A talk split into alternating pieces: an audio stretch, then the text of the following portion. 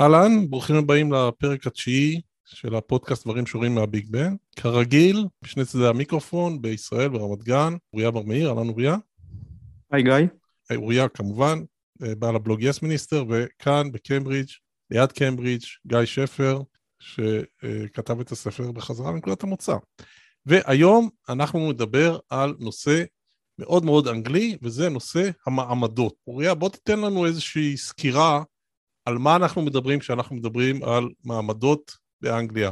איזה מעמדות? כשבאנגליה מדברים על מעמדות, אז מדברים על uh, שלושה מעמדות עיקריים. יש לך את ה-working class, middle class וה-upper class, לפעמים מדברים על זה ברבים, working classes לצורך העניין, המעמדות העובדים, כשה-working class זה בעצם uh, עובדי הכפיים בעיקר, המעמד הביניים זה יותר המקצועות החופשיים, בורגנים כאלה, upper class זה לא רק שהם עשירים, זה גם שיש להם איזשהו אה, מוצא משפחתי להתפאר בו, והאריסטוקרטיה, כל אלה שיש להם איזשהו טייטל אה, של אה, לורד וכדומה. עכשיו צריך להגיד, היה ב-2013 יצא איזשהו מחקר שטען שהחלוקה המעמדית הזאת היא כבר לא רלוונטית, הוא חילק את זה לשבעה מעמדות חדשים לפי סוגים שונים של הון שאנשים מחזיקים בהם, כשיש אה, הון כלכלי, הון תרבותי, הון חברתי, ואז נגיד יש את האליטה שהיא מחזיקה בשלושת סוגי ההון, יש את האנשים שיש להם אה, הון חברתי והון תרבותי אבל אין להם הון כלכלי, שזה יותר דור ה-Z אה, וכדומה, שזה, יכול להיות שזה יותר מדויק לחלוקה סוציולוגית, אבל מה שעוד משפיע על זהות של אנשים בבריטניה זה יותר החלוקה הקלאסית, גם אם היא מאוד השתנתה ודברים הם הרבה יותר אה, מוביליים. גם אה, השימוש במעמדות, במילה מעמד בבריטניה הוא מאוד חזק, למשל אה, יש מי שמדברים על הפוליטיקל קלאס, כן? שזה בעצם האנשים אה, שנמצאים בפוליטיקה.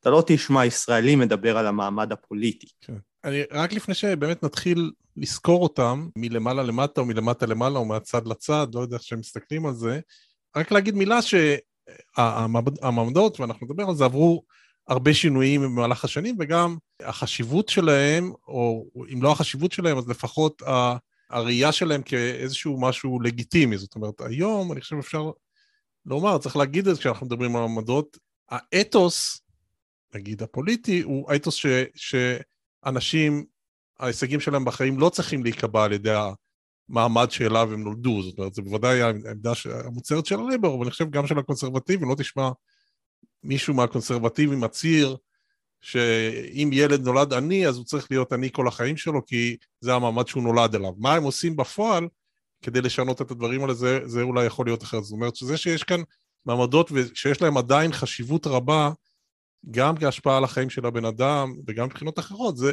לא אומר שזה היום נחשב כאן כדבר הרצוי, אבל זה עדיין דבר שקיים ומשפיע בכל מיני רמות. כן, ג'ון מייג'ור אה, נראה לי שזה היה, דיבר על classless אה, society.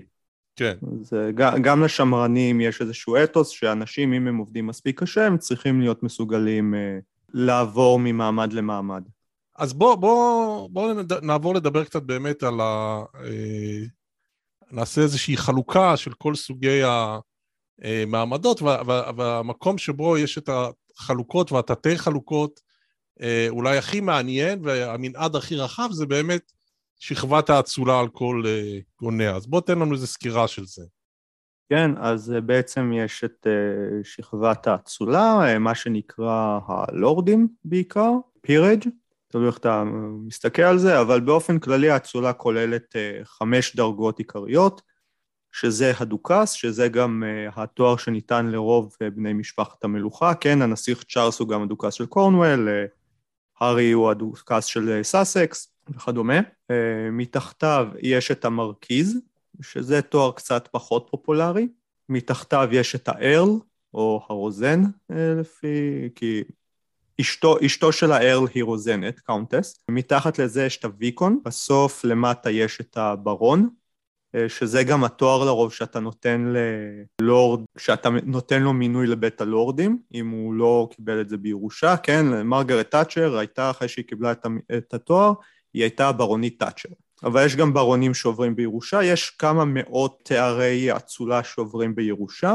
לא כולם זכאים למקום בבית הלורדים אה, בימינו, רק כמה עשרות מהם, כשיש את הפרוצדורה להחליט אה, מי נכנס ומי לא, לא ניכנס אליה כרגע. יש את אלה שבעצם מקבלים אה, מינוי לכל החיים, וכשהם מתים התואר לא ממשיך הלאה, שזה רוב היושבים בבית הלורדים, ובבית הלורדים דיברנו על זה קצת בפרק הקודם, יש לך גם נציגים של הכנסייה. עכשיו, אם אנחנו כבר מדברים על uh, לורדים ואיך להשיג uh, את התואר הזה, אז בגדול, או שיורשים את זה, או שהמלכה ממנה בעצת הממשלה בדרך כלל. עכשיו, בדרך כלל, תקן אותי אם אני טועה, מי שקיבל תואר כזה מהמלכה נגיד, זה בדרך כלל היה, זה לא היה סתם תואר שאתה מסתובב איתו, זה היה אדוקס של איזשהו אזור גיאוגרפי, ובדרך כלל בא גם עם איזושהי אחוזה וקרקעות. נכון, זה בדרך כלל התארים שהם בירושה, לא התארים שהם נטו בשביל כבוד או ישיבה בבית הלורדים, אז אה, זה כולל באמת אה, ירושה של אדמות, ובעצם התואר עובר, עבר תמיד לבן הבכור, אה, זה לא שכל המשפ... כל הילדים היו יורשים את התואר, הבן הבכור היה יורש, ויחד עם זה יורש גם את האדמות, ואז זה בעצם היה יוצר מצב שבו מה עושים עם אין, אין לאדם הזה בנים, ואז צריך למצוא כל מיני דרכים להבטיח שהאדמות יישארו במשפחה כן. וכדומה. שזה באמת מה שקורה גם בדאונ... באחוזת דאונטון וגם בגאווה ודעה קדומה של אוסטין. עכשיו, היום גם כשיש לך את התארים ה... שהם בירושה, שסביר להניח שאתה כבר לא מחזיק בכל האדמות שהחזקת כן. בהן, ויש לך בעיקר את. התואר הזה ליופי, אה, או לפעמים זה עוזר אה, אה, לתפוס מקום בבית הלורדים. יצא לי לתזה לראיין מישהו שירש את התואר לוט בתור הבן הבכור, הוא ויקונט, ולפני כמה חודשים אז הוא הצליח לקבל מקום בבית הלורדים. בירושה, בתקן של היורשים. כן. שזה באמת, מי שצמצם את זה, דיברנו על זה בפרק על הבחירות, זה בין היתר טוני בלר, נדמה לי, הוריד את כמות היורשים. אה, הייתה, כן, זה בעיקר טוני בלר אה, עשה את זה, כמובן הייתה שורה של רפורמות שלאט לאט אה, הגבילה את המשמעות של להיות, של הרשת תואר לורד, יחד עם המציאות, ניגע בזה עוד מעט אחר כך. אוקיי, okay. אוקיי, okay. אז הזכרנו את דאונטון, בואו נגיד מילה על אחוזת דאונטון. אחוזת דאונטון סדרה שעשתה על ידי ITV במקור לפני עשר שנים, היו לה חמש עונות וסרט, ולדעתי יצא כבר גם סרט שני. מי שלא ראה, סדרת מופת, היא קיימת עכשיו בנטפליקס, אפשר לראות אותה בישראל, עם תרגום לעברית, ומי שעוד לא ראה ומי שבריטניה מעניינת אותו, ומן הסתם אתם מקשיבים, אז בריטניה מעניינת אתכם, אבל בכלל רוצה לראות סדרה תקופתית מעולה שבמעולות, שנינו נדמה לי מאוד ממליצים עליה. אני, אני עוד לא סיימתי כדי okay. אוקיי. להמליץ ב... uh... בתוקף. אוקיי, okay. אז אני ממליץ עליה כמי שראה אותה גם בזמן השדרה בטלוויזיה וגם ראינו אותה שוב בנטפליקס לפני שנה, ואני אגיד מילה על ה... איך באמת ה... המעמדות באים לידי ביטוי בסדרה הזאת. הסדרה אה, עוסקת באחוזה אחת, אחוזת גרנטאם, בתחילת המאה ה-20, לפני ואחרי מלחמת העולם הראשונה, ואפשר לראות בה כמה מעמדות. יש כמובן את ה... באמת מעמד של האצולה, המשפחה של לורד גרנטאם, שהיא גרה בבית האחוזה המפואר הזה, שהוא נראה כמו איזה טירה שיכולה להכיל כפר שלם בתוכה, ויחד עם חמשת אה, בני המשפחה, שני ההורים ושלוש הבנות הצ... בשנות העשרה או העשרים לחייהן, יש שם גם צבא של משרתים. אז זה עוד סוג של מעמד, וזה היה מעמד מאוד חשוב אה, בבריטניה, נדמה לי שקראתי סטטיסטיקה שבתחילת המאה ה-20, בין שניים לשלושה, היו, עבדו בין שניים לשלושה מיליון אנשים ב service. service זה כאילו היו בעצם משרתים, וזה מובן כי הבתים הענקיים האלה, כמות העבודה שהם חייבו רק לצורך תחזוקה, עם כל החדרי שינה וכל הניקיון וכל התחב שיש כאן בכל מקום, זה חייב באמת צבא ענק של משרתים. זה, אגב, אפרופו שינוי מעמדות וכולי, זה אה, מעמד שמתחילת המאה ה-20, שהיו 2-3 מיליון, אה, תוך חצי מאה הם נעלמו, אחרי מלחמת העולם השנייה כמעט לא נשארו משרתים או בודדים מאוד. אגב, בסדרה, זה אחד הדברים היפים, בה, למרות שיש היררכיה ברורה ואי אפשר, אסור לעבור את הקווים אה, בין, בין המשפחה, למשרתים וכולי, הסדרה מציגה את המשפחה כמשפחה מאוד נאורה שמתייחסת לסך הכל המשרתים אה, יפה, ויש שם אפילו יחסי חברות בין הלורד גרנת'ם לקרסון רב המשרתים, או בין ליידי מרי לשרתת האישית של האנה. אה, ראיתי איזה לא מזמן איזה אה, סדרה דוקומנטרית שמשום מה אי אפשר למצוא אותה עכשיו, ב... שעשה אה, קומיקאי בשם פול או'גריידי, שהוא הגיע מ-working class, והוא אמר, אמא שלי עבדה ב... בתור משרתת כזאת בתחילת המאה, והוא אמר שלא תחשבו שזה אחוזת דאונטון, שם התייחסו אליהם ממש כמו אל עבדים. אז, אז יכול להיות שאיך שזה מוצג באחוזת דאונטון זה קצת אידילי. אה, אבל אפשר לראות גם בסדרה שבעצם כבר בעיקר אחרי מלחמת העולם הראשונה, חלק מהמשרתים, חלק מאוד מקבלים את ההיררכיה הזאת, קרסון בעיקר רוב המשרתים הוא מאוד מאוד נאמן למסורת ו... מסתכל, הוא לפעמים אפילו הרבה יותר ביקורתי כלפי ניסיונות לשינויים מבני המשפחה, למרות שהוא בצד של המשרתים, אבל יש כבר משרתים ש, שמתחילים לפזול לכיוון משרות אחרות, מזכירה, או עבודה במלון, או כל מיני דברים כאלה, ואפשר לראות שם שלקראת הסוף מעמד המשרתים מתחיל, מתחיל לרדת, אבל עדיין בסדרה הוא מאוד מאוד, הפער הזה בין המשרתים לאדונים מאוד חזק. יש עוד שני מעמדות ששווה להזכיר שמופיעים בסדרה, אחד זה תושבי הכפר, חקלאים. עכשיו צריך להבין, המשפחה, המשפחה של משפחת גרנטם היא לא רק שולטת בבית הענק הזה, בטירה הזאת, אלא בעצם כל הכפר או הכפרים מסביב, אלפי אייקרים של גם אדמה וגם בתים, הכל שייך אליה. והם אלה ש... אנשים שגרים שם צריכים לשלם להם שכירות, והם יכולים להחליט על כל מיני החלטות איזה גידולים מגדלים וכולי, והרבה מהגידולים ש, שנעשים שם נעשים בשטחים ששייכים אליהם, והם בעצם מקבלים או מס או את היבול עצמו, ו- וכל האירועים החברתיים שנערכים שם, לא משנה אם זה תחרות הגן היפה, או משחק הקריקט, או, או אזכרה לחללי המלחמה, הכל מי שמנהל אותם זה אנשי המשפחה, כולל אפילו בית החולים של הכפר, זאת אומרת, יש שם רופא כמובן, אבל מבחינה מינהלית, הפטרונית שלו זה הסבתא, כן? הסבתא אגב, מגי סמית, שהיא הכוכבת הבלתי מעוררת של הסדרה הזאת, מי שכתב לה את התפקיד הזה ואת השורות שנתן לה, זה באמת, אה, רק בשביל זה שווה לראות את זה. אז, אז אה, יש שם באמת איזושהי ניהול של אחוזה שלמה, לא רק של הבית, אלא של כל האזור, על ידי המשפחה. עם כל, כמובן עם כל הקונפליקטים שזה מעלה.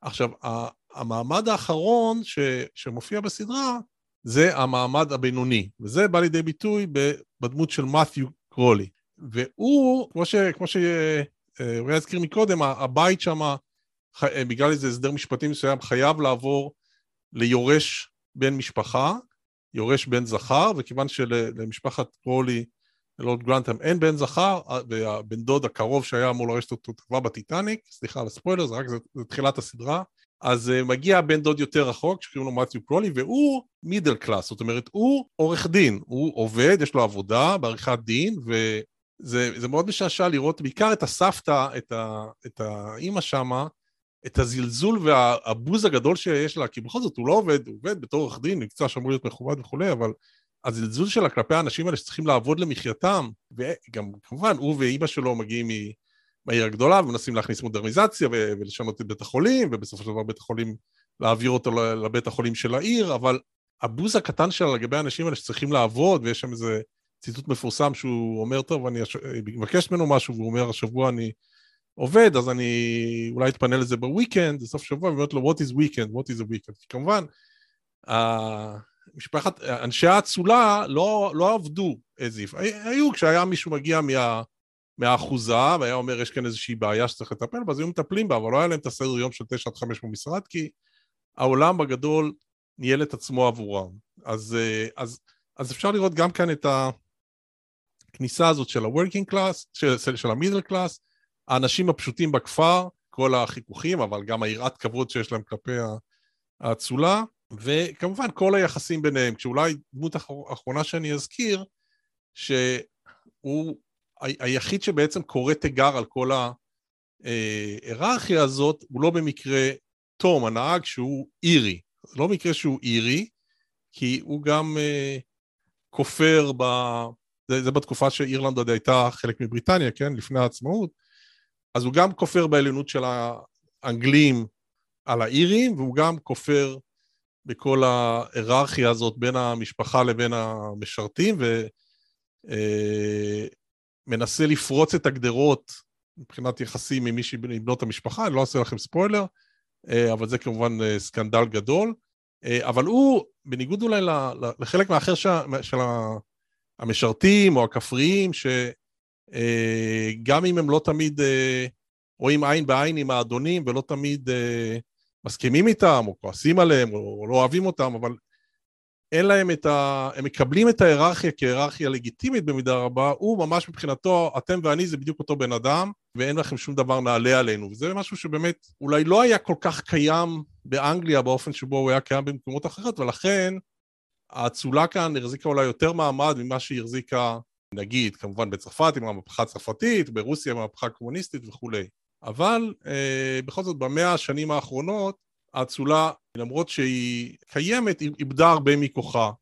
ואולי תגיד לנו כמה מילים איך, על כמה דברים, כמה מגמות שהובילו לזה. אין בעיה, אני רק, לפני שאיכנס לזה, אני רוצה לדבר על עוד איזושהי קבוצה אחת, וזה האבירים נקרא לזה, okay. ה knights וה dames, שהיום זה בעיקר דרך של המדינה לתת כבוד אה, לאנשים שהייתה להם איזושהי תרומה. המקבילה, מיני... המקבילה המקומית לפרס ישראל. אני לא יודע אם זו המקבילה הכי מתאימה, כי, כי יש לך כל מיני תארים זוטרים שאתה מקבל ממש בתחילת הדרך, שאתה כן. לא היית נותן עליהם פרס ישראל. נכון, יש, זאת... יש מדרג כזה של כל מיני uh, יש מדרג ויש מס, יש מסדרים שונים, יש לך כן. מסדר אבירית ומסדר האמבט ומסדר האימפריה הבריטית ומסדר הדרדר, שזה של סקוטים. יש לך מסדרים.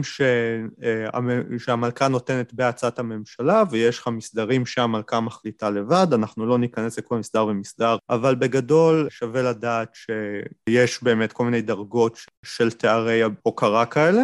הכי קל לתת את זה זה באמצעות אה, מסדר האימפריה הבריטית, שיש לו למטה את ה-MBE, OBE ו-CBE, שזה Member of the British Empire Officer of the British Empire ו-Commander of the British Empire, ששם זה, זה בעיקר nice to have, אתה לא, לא קוראים לך על זה סר או דיים, mm-hmm. ומעל זה יש לך את ה-KBE ו, ואת ה-GBE, שזה כבר uh, Knight of British Empire, ושם כבר כן קוראים לך סר, או במקרה שאתה אישה אז דיים. משהו שחשוב לדעת על הדברים האלה, כשמצמידים למישהו את התואר סר לא עושים את זה לשם המשפחה, עושים את זה לשם הפרטי.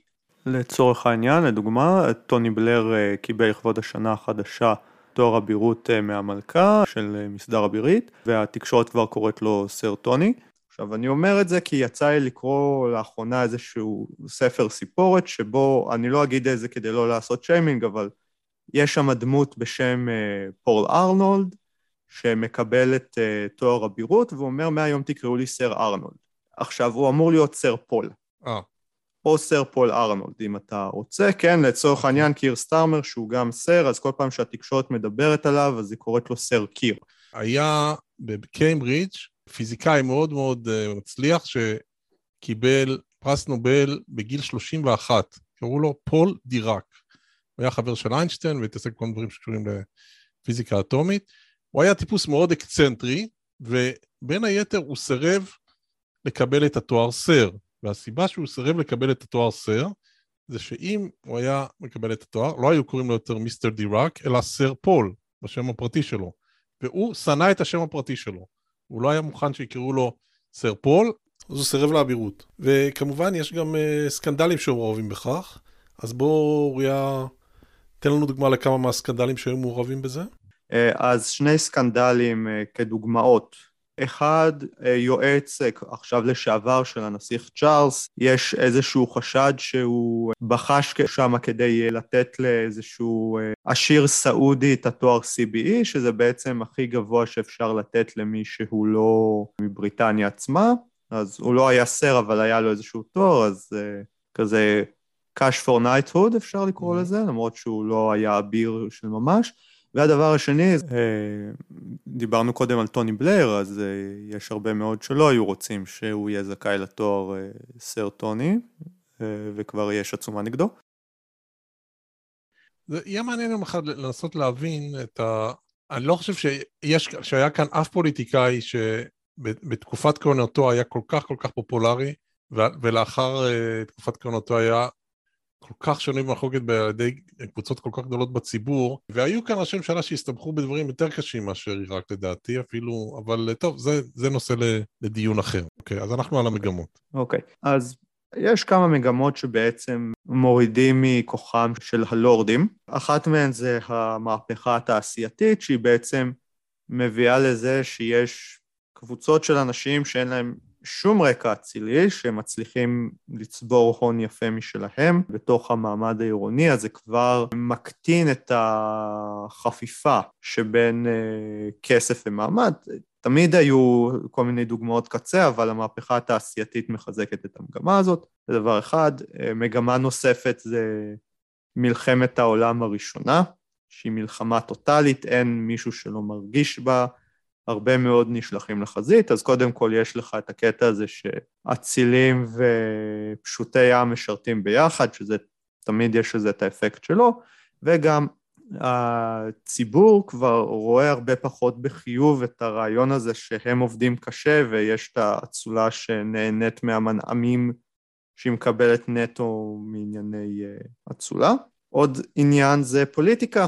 אם דיברנו על אחוזת דאונטון, אז אתה בטח שם לב שבכל פעם שמזכירים איזשהו פוליטיקאי ליברלי שם, זה תמיד עם עווית uh, בפנים, ונאמר בתיעוב קל עד כבד, בעיקר אם מדובר בלוי ג'ורד, וזה לא סתם, כי הליברלים, שבתחילת המאה ה-20 עוד היו הכוח הרציני שהיה מול, שנתן קונטרה לשמרנים, לפני שהלייבור uh, הצליחו להפוך למפלגה השנייה בגודלה, הם היו מאוד בעד רפורמות שיורידו מכוחה של האצולה, בעיקר אה, בבית הלורדים, שזו הייתה אחת הפריבילגיות הרציניות של, אה, של הלורדים, שבעצם, אתה יודע, בלי להיבחר, הם אה, מקבלים כוח פוליטי רציני, לא כולם השתמשו בו, יש אפילו מושג שנקבע ללורדים שהיו מגיעים רק מדי פעם להצבעות כשהיו קוראים להם, אבל רוב הזמן לא היו נמצאים שם, קראו להם Backwoodsman, mm-hmm. שזה בעצם מישהו שלא נמצא ופתאום צריך אותו לאיזושהי הצבעה כדי להעביר חוק, אז קוראים לו ש...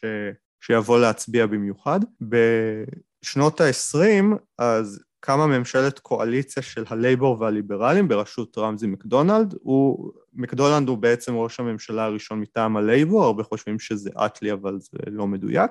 ויחד הם אה, רוצים להעביר רפורמות והם גם ממנים הרבה יותר אה, לורדים לבית הלורדים, נותנים את הפירג' הזה לכל החיים, לאנשים שהם ממעמד הביניים הפשוט, ובכך בעצם הם מחלישים את הכוח הפוליטי של הלורדים. ומעבר לזה, אתה יודע, יש לך גם תהליכי מודרניזציה, שזה כבר לא נתפס כל כך נוראי, שבת אצולה תצא עם אה, מישהו מה middle class, או אפילו מה working class, ו... אבל צריך להגיד, זה זה נכון שהם נחלשו, אבל זה לא שהם אה, נחלשו לגמרי. יש הרבה מאוד כתבות שמראות שהם אה, ניצלו את המעמד שלהם כן כדי אה, לצבור הון יפה, ואני מדבר על כתבות מהשנים האחרונות. כלומר, כן. עדיין מדובר ב...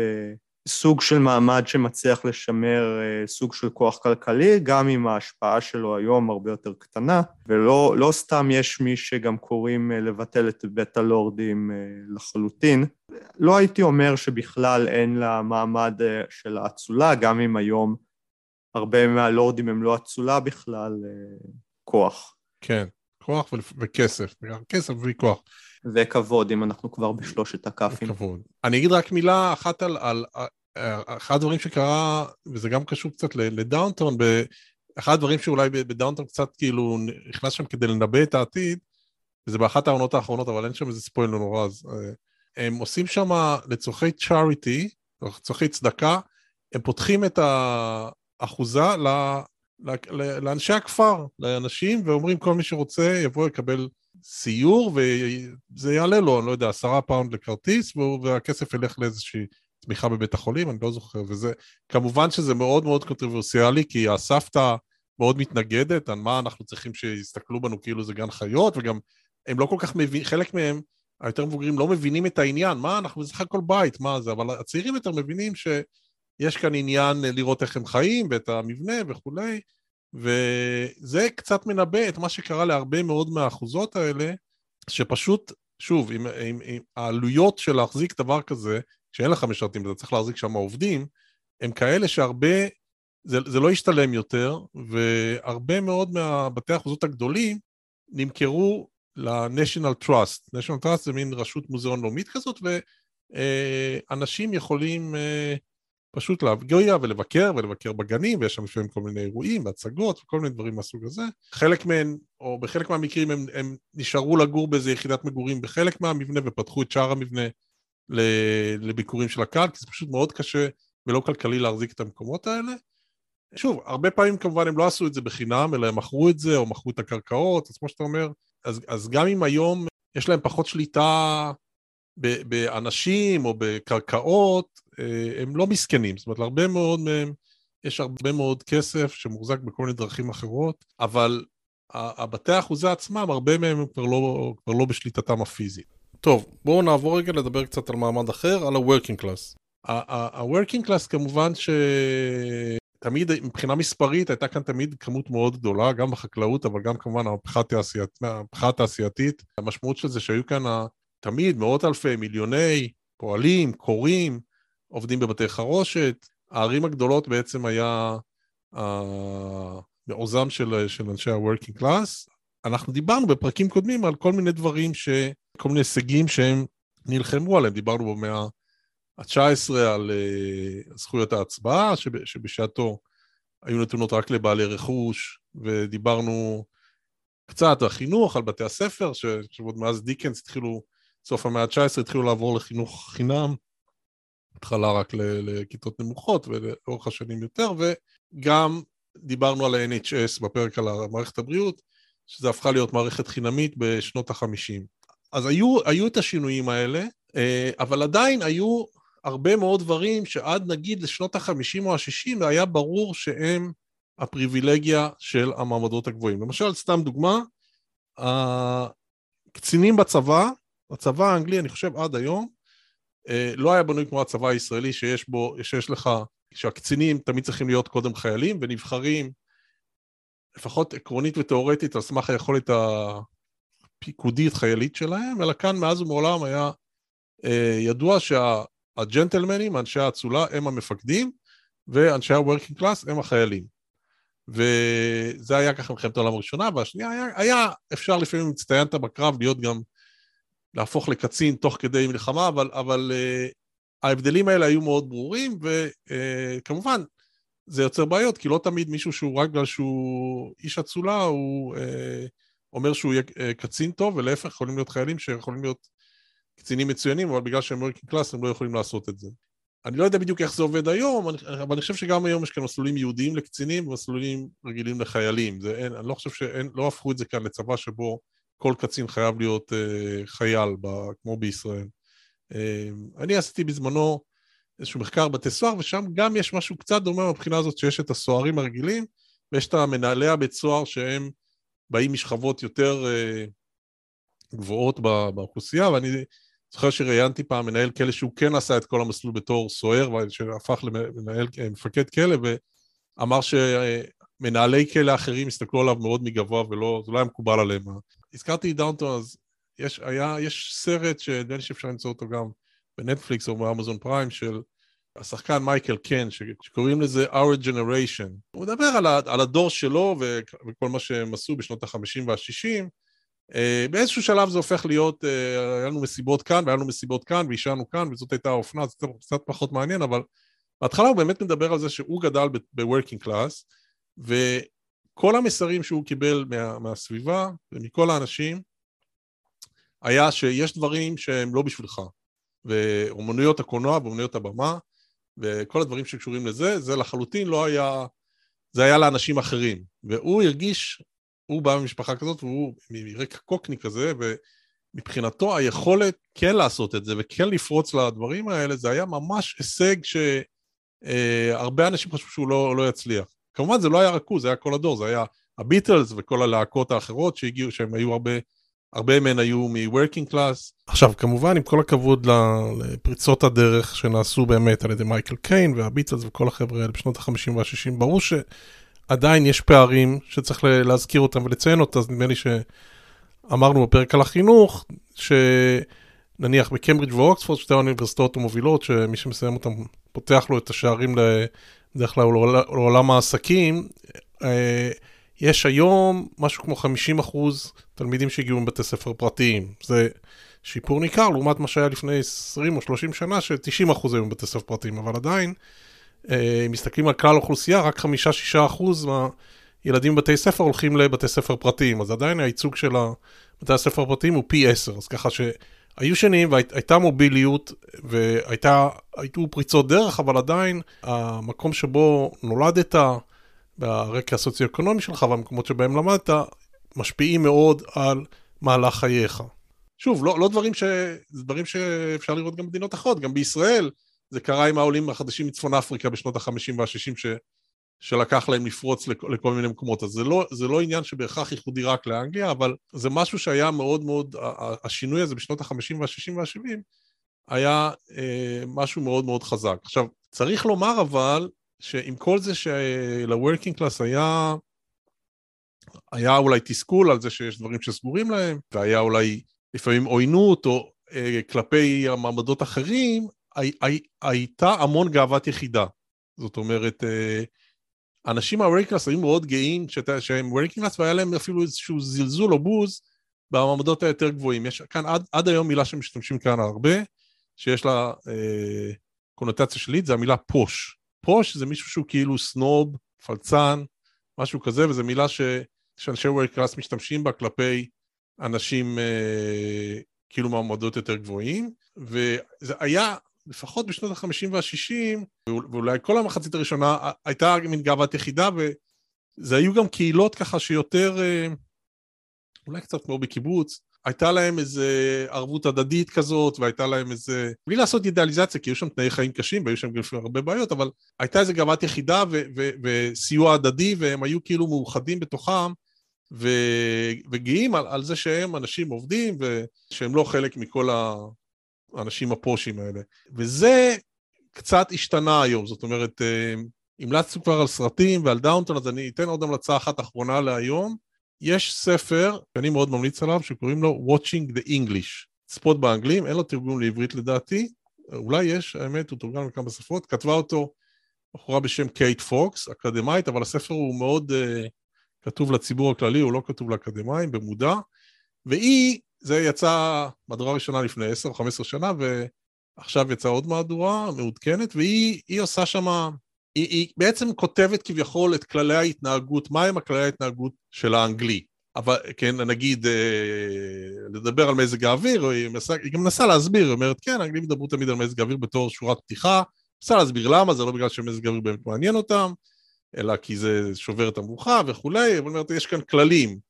אתה נגיד, אם מישהו אומר לך, או, מאוד קר היום, נכון? אז אתה לא יכול לסתור אותו, אתה לא אמור לסתור אותו ולהגיד לו, דווקא חם, אתה צריך להסכים איתו, מותר לך להגיד, כן, מאוד קר, אבל אני דווקא אוהב קור, זה כן מותר. כל מיני כללים כאלה, אבל היא לא כותבת את זה מ, כמו בספר של נימוסים מהמאה ה-17, איך להתנהג, אלא היא מסבירה איך האנגלים מתנהגים ונותנת קצת רקע, והיא בעצמה, כדי, היא אומרת שכדי לעשות את המחקר הזה, היא עשתה כל מיני דברים מפחידים, כמו לקפוץ לראש התור בכל מיני מקומות כמו בדואר, במקומות כאלה, זה לינץ' במקום לעקוף כן, בתור. כן, אז זהו, לא? היא לקחה את הסיכון ורצתה לראות את התגובות, אז, אז זה כאילו מבוסס גם על מחקרים שלה וגם על מחקרים של אחרים, והיא גם, היא, היא, אחד הדברים שהיא אומרת שם, שאחד, היא מאלה שאומרות, תראו, כל האנשים שאומרים לכם שהמעמדות זה דבר שחלף מן העולם והשתנה, היא אומרת, זה לא נכון, זה רק משנה את הצורה, עדיין השאלה איפה נולדת מאוד משפיעה על החיים שלך וכולי, אבל היא אומרת, דבר אחד שכן השתנה,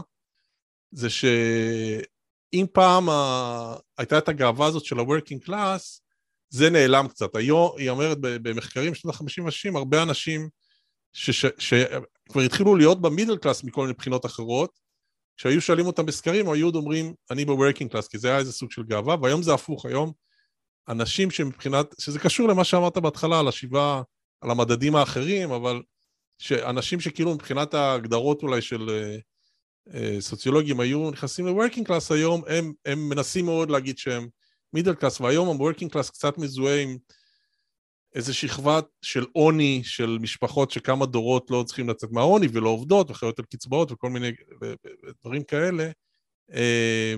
אז, אז היום קצת נרגיש שלכולם יש את החלום האמריקאי של אה, להיות עשיר, ואין כל כך יותר את הגאווה הזאת של ה-working class. אבל אני רק אגיד, אה, איזו אנקדוטה באמת מהספר, מבחינתה, היא, היא אומרת שהמקום שבו המעמדות באנגליה באים לידי ביטוי יותר מהכל, זה בדיבור. היא אומרת, לאנגלים יש מין רדאר נורא משוכלל כזה, שברגע שזה שמדברים איתו פותח את הפה, לפי איך שהוא מדבר, כמובן הם ידעו גם איפה הוא בא גיאוגרפית, כי באנגליה יש מבטאים, גם אם אתה ליברפול ומנצ'סטר, שזה חצי שעה נסיעה, זה מבטאים כאילו הגעת מהירח ומהשמש, עולמות שונים, אבל זה גם, יש מאוד מאוד עניין של, של מעמד, כן? אז לדוגמה, נניח, יש את העניין של אה, איך לבטא, אז נגיד, המעמדות הנמוכים לא מבטאים את היצורים, אז נגיד, במקום להגיד bottle of water, הם יגידו borrow of war, ולעומת זאת, אצל המעמדות הגבוהים, שזה קצת פחות ידוע, אבל היא מדגישה את זה, דווקא להפך, הם,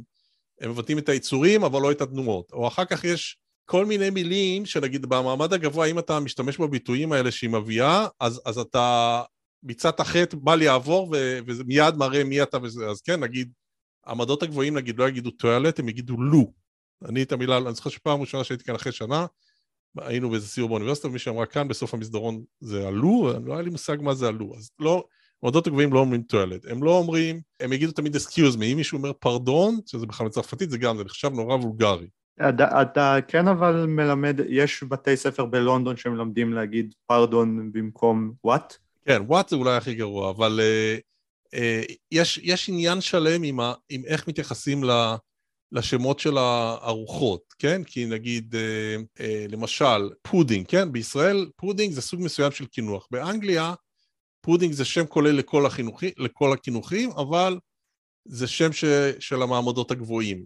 הם יגידו פודינג. לעומת זאת, אם מישהו יגיד להם sweet, שזה המעמדות הנמוכים, ככה אומרים בסוף הארוחה, אתה רוצה איזה sweet?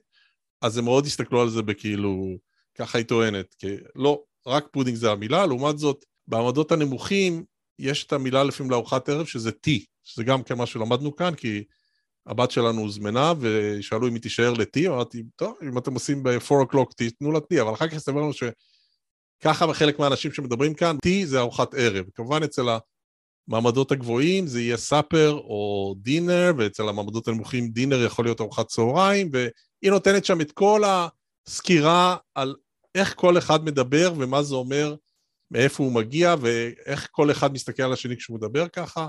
אז מי, אני לא אתן את כל הסקירה, אבל היא אומרת זה, יש לכל אחד רדאר כזה, ברגע שמישהו פותח את הפה, אז הוא מיד יודע, וזה לא משנה, זה יכול להיות מישהו שיש לו מיליונים והוא מדבר בשפה כאילו של ה-working class, או מישהו ש, שבא ממשפחה ועכשיו הוא דווקא חי מאוד בצנעה, אבל כי ה class הוא לא, כאמור לא רק ההון הכלכלי, אלא גם אה, ההון התרבותי וכולי. מי שרוצה לקרוא לא רק על class, אלא בכלל על כללי ההתנהגות של האנגלי, אה, ממליץ על הספר הזה Watching, Watching the English של קייט פוקס. כן.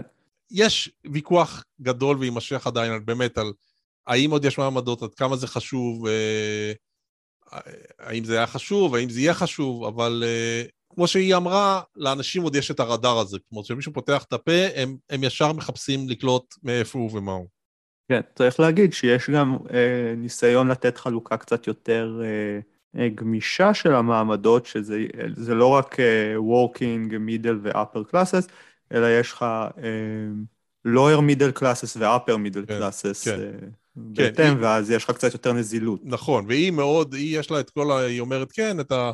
ככה קוראים לארוחת ערב רק ב-upper upper, וככה קוראים רק lower, יש, היא ממש שוחה בכל הדברים האלה. אז אני חושב ש... חשבתי לספר קצת על הכפר שלי, אבל נשמור את זה לפעם אחרת. זה סוג של, נגיד, אה, המהדורה של, של 21, המאה ה-21 של דאונטון, אבל זה בהזדמנות אחרת, ואני חושב שיש לנו עוד כמה דברים קטנים שרצינו לומר על אקטואליה. כן, הספיק אה, לקרות לא מעט אה, מאז חג המולד. נתחיל בזה שבוריס ג'ונסון נמצא בהרבה מאוד בעיות. אחת מהן זה שבריטניה עומדת להיכנס לתוך משבר רציני של יוקר מחיה. לפי חלק מהתחזיות, במהלך 2022, משק הבית הבריטי הממוצע יצטרך לשלם אקסטרה 1,200 פאונד, שזה הרבה מאוד כסף לשנה אחת. זה נובע משלושה דברים עיקריים, אחד זה אינפלציה שיש בכל העולם, דבר שני זה עלייה במחירי האנרגיה, שזה גם תופעה כלל עולמית, ודבר שלישי זה המיסים החדשים שג'ונסון מעלה, בעיקר הביטוח הלאומי, שזה עניין מקומי, אז ג'ונסון נמצא תחת לחץ גם לא, אה, לבטל את המע"מ על חשבונות החשמל והגז, וגם לדחות את ההעלאה של הביטוח הלאומי.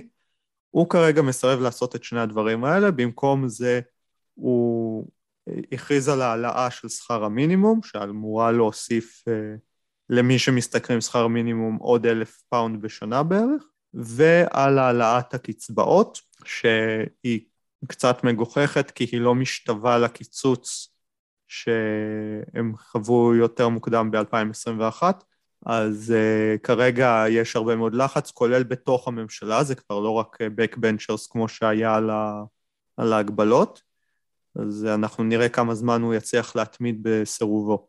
אוקיי, okay. אני אה, אגיד רק שתי חדשות ממש ממש אה, בקצרה, אחת זה שנפטר כאן חבר פרלמנט של הלייבור, זה קורה כאן לא מעט, כי יש בלייבור, אה, יש בלייבור, יש בפרלמנט 650 חברים, נדמה לי, והרבה מהם מבוגרים, אז זה לא תפס את הכותרות הראשיות, אבל זה אומר שיהיו עוד, הוא היה בן 73, הוא היה מברמיגם, ג'ק טרומי, ו... אה, זה אומר שיהיו שם בחירות. בעיניי. עוד משהו להגיד על אה, ג'ק דרומי זה שהוא בעלה, היה בעלה של אה, הריאט הרמן, שהיא האישה הכי ותיקה מבין חברות הפרלמנט, מה שזיכה אותה בתואר mother of the house. או, אוקיי. מבחינת קורונה, אין חדש האמת, זאת אומרת, למרות שהמספרים כאן מאוד מאוד גבוהים עם האומיקרון, וגם מתחילים לטפס המספרי אשפוז והמספרי מתים, ובווילס ובסקוטלנד התחילו להטיל כל מיני הגבלות. באנגליה בוריס מתעקש שנשארים עם המצב הקיים שהוא פלן בי, שזה אומר בפועל אה, מסכות במקומות סגורים, וצריך להציג איזה חיסון או, או החלמה ב... כניסה לחלק מהמועדונים וכולי, אבל מעבר לזה, אין הגבלות uh, משמעותיות, בתי הספר ממשיכים כסדרם, והם מקווים, כמו שהוא אמר השבוע, to ride, כאילו לרכב על הגל הזה של האומיקרון כדי לצאת ממנו. הם מקווים שכמות הנדבקים כל כך גדולה שזה יתחיל לרדת uh, לא עוד המון, לא עוד תוך המון זמן. כן, צריך להגיד, אמרת שבוריס מתעקש, אז uh, עוד פרשנות מקובלת היא ש... הוא אולי היה רוצה לשים קצת יותר מגבלות, אבל שהוא לא מסוגל פוליטית, כי המפלגה השמרנית פשוט תזרוק אותו לכל הרוחות אם הוא רק ינסה. כבר היה נגדו מרד אה, של אה, בערך מאה איש, אז אה, זה לא בלתי מתקבל על הדעת שהוא פשוט משותק פוליטית כשזה מגיע להגבלות. ונסיים בעוד פרשות, כי אנחנו כבר חודשיים שכל הזמן יש איזושהי פרשה שמסבכת את, ה... את בוריס ג'ונסון. אז אה, דבר ראשון, לפני בערך שנה אז חשפו, ש... קצת פחות משנה חשפו שהיה שם איזה, איזה שהם אי סדרים לכאורה במימון של השיפוצים בדירת השרד שלו והיועץ לענייני אתיקה הסתכל ובדק, הוא הגיע למסקנה שכשהיה את התורם שנתן את הכסף לשיפוצים האלה, ג'ונסון לא ידע מזה, הוא הגיע למסקנה הזאת. אבל לאחרונה התפרסם גם דוח של נציבות הבחירות שבחן את, ה, את התרומה הזאת מה, מהזווית שלה, והנציבות uh, הגיעה למסקנה, uh, קודם כל שהיו סדרים לגבי דיווח על התרומות האלה, וכנסה את המפלגה בהרבה מאוד כסף, וגם הגיעה למסקנה שג'ונסון כן ידע בזמן אמת uh, מי נותן את הכסף לשיפוצים האלה, אז uh, היועץ לענייני אתיקה מאוד לא אהב את זה, ו... עכשיו ג'ונסון מואשם שהוא ניסה לטייח, וגם בראיות שנחשפו אז נראה שגם היו שם קצת יחסי תן וקח בינו לבין התורם, זה עניין אחד. ודבר שני, דומיני קאמינגס, החבר אויב של ג'ונסון, חושף שהייתה הפרה של, של כללי הקורונה במאי 2020. מי כמוהו מומחה? כן, מי כמוהו מומחה,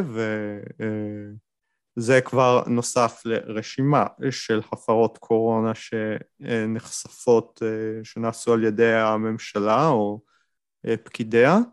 אז זה מבטיח שלג'ונסון יהיה כאב ראש לעוד הרבה זמן, למרות, שהיה, למרות שהוא קיווה שהפגרה של החגים אולי קצת תרגיע את הרוחות. כן, יהיה מעניין לעקוב, ונראה לי אבל שאנחנו נסיים כאן. בפעם הבאה אנחנו בשאיפה נדבר על אוכל. אוכל לא בריטי. לבעלי קיבה רגישה. כן, נכון. אבל יהיו גם, אני מקווה שיהיו גם קצת הפתעות לטובה מהשנים האחרונות. אז זהו זה להפעם. תודה אוריה. תודה גיא. ונשתמע. נשתמע. נשתמע.